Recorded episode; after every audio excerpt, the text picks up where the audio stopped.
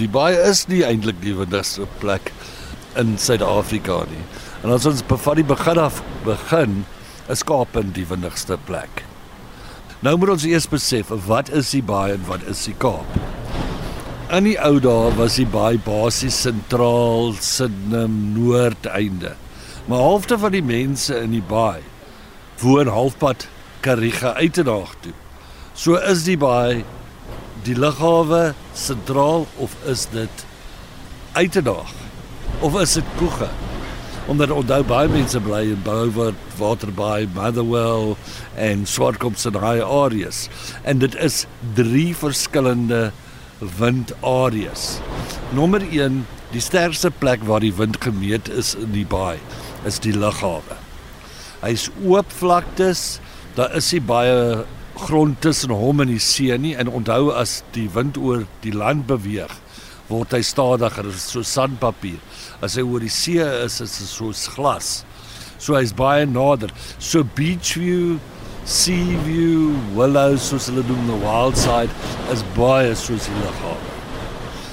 Maar as jy gaan kyk na die hawe en die CBD, die lughawe is hoër as dit. Ek dink dit is omtrent 60 meter.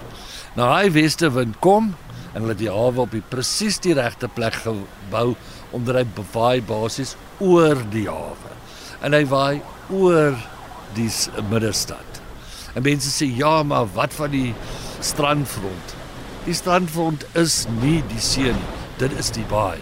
So hy waai ook oor die pier waar ons metings gehad het. En hy is baie minder as die lughawe. So dit hang af waar jy is in die baai. Hoe die wind waai.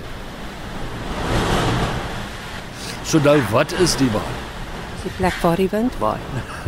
Dis Nou kom ons na die Kaap. Die wind word by die lughawe gemeet amptelik. Ja, meeste mense leef in daai area. Maar die metro bestaan ook uit Kaappunt, 'n slangkop wat by Kommetjie is, is die tweede winderigste plek in die land en Kaapstad uh, metro. En ons sien nie syfers wat laag is daar nie. Om 'n voorbeeld te gee, 6% van die tyd waar die wind stormsterk by Kaappunt. Hy raak baie sterker as dit. Ons praat van uurlikse gemiddelds van oor 110 km per uur met rukwinde oor die 150 km per uur. Kaapse Francis wat um, ook daar bo op die lys is op nommer 2 van die winderigste plekke. Sy gemiddelde hoogste uurlikste wind is 85 km/h, maar hy kry ook rukwinde oor 150 km/h. Die baie kry nie sulke rukwinde nie. Ons gesels met Garth Sampson van die Suid-Afrikaanse weerkantoor hier in Kobega in die Baai. En nou wil ek by jou weet, Garth. Oral praat hulle van die Nelson Mandela Baai as die Windy City. Maar nou sê jy die winde waai baie sterker en meer gereeld in die Kaap. En daar praat hulle van die politieke winde van verandering. Nou hoekom is ons 'n Windy City en die Kaap is die winde van verandering? Dit gaan ook baie oor die vakansiegangers en persepsies. En dit gaan alles in die lewe gaan oor 'n persepsie. En kyk ons winderige tyd van die jaar. In September, Oktober, November en baie keer 'n bietjie in Desember. Dan kom Januarie, Februarie, die ideale weer. En die mense is nie hier nie.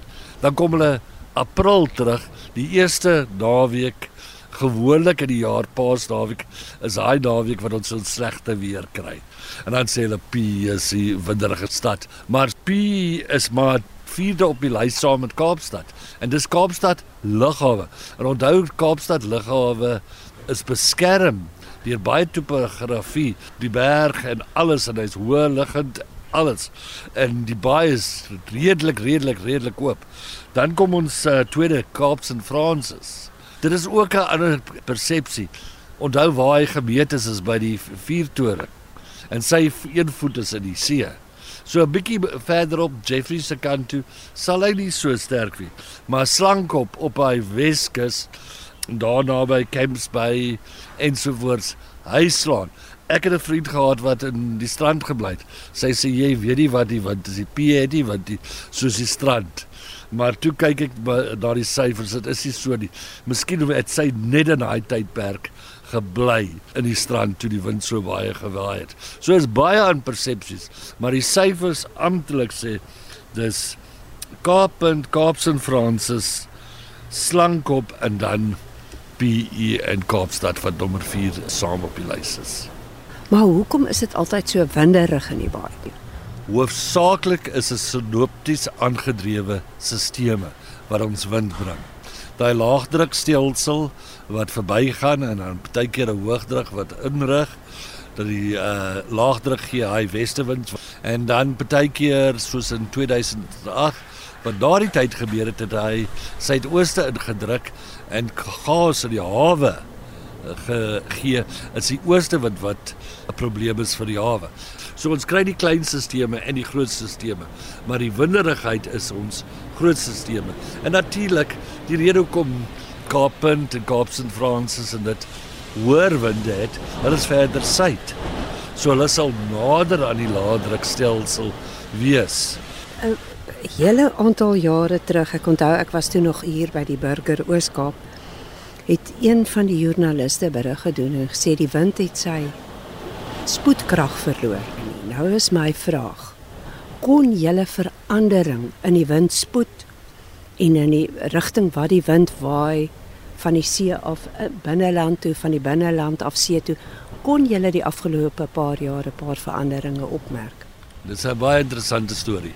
En ons kom ons gaan terug na die Bybelse jare toe as daai mense nie die weer reg gelees nie, het hulle nie geëet nie. En dit was jy gaan check as op uh, 'n uh, spaar toe en gaan koop ietsie. As daar niks is, is daar niks nie. En onthou jy Joseph en Pharaoh oor die koeie en die en die koring en sulke goed. En hy het gepraat van die 7 maar jare en die 7 goeie jare. En glo my as jy wil, dit is waar. Daar 7 jaar tussen 'n piek en 'n trog. Om 'n perfekte voorbeeld te gee, is in 1997 het my baas baie toe gekom van die Transvaal af. Hy het nie Dis nou nie weer kantoor, né? Ons praat met Garth Samson, ook bekend as die Weather Guru in huis van die Suid-Afrikaanse weerkantoor hier in Kobega. En hy het 1997 hier gekom in die November. Dit was die winderigste maand op rekord. En hy het by Summer Seas gebly op die beachfront. Teen die Desember het hy hy rekord gebreek. En sy vrou wil net terug getrek en toe. Sy sê nou hy's. En weet jy wat in 2003 het ons in daai kantoor gekyk na die syfers en sê sê daar is iets fout met die wind. Dit was die windstilste tydperk in wat ons ooit gesien het. Wat min of meer 7 jaar later is. So jy kry hy in alle aspekte van weer. Is dit min of meer 'n 7 jaar tussen 'n piek en 'n trog. Ons hoop net ons is uit die reënval probleme uit met die 7 jaar.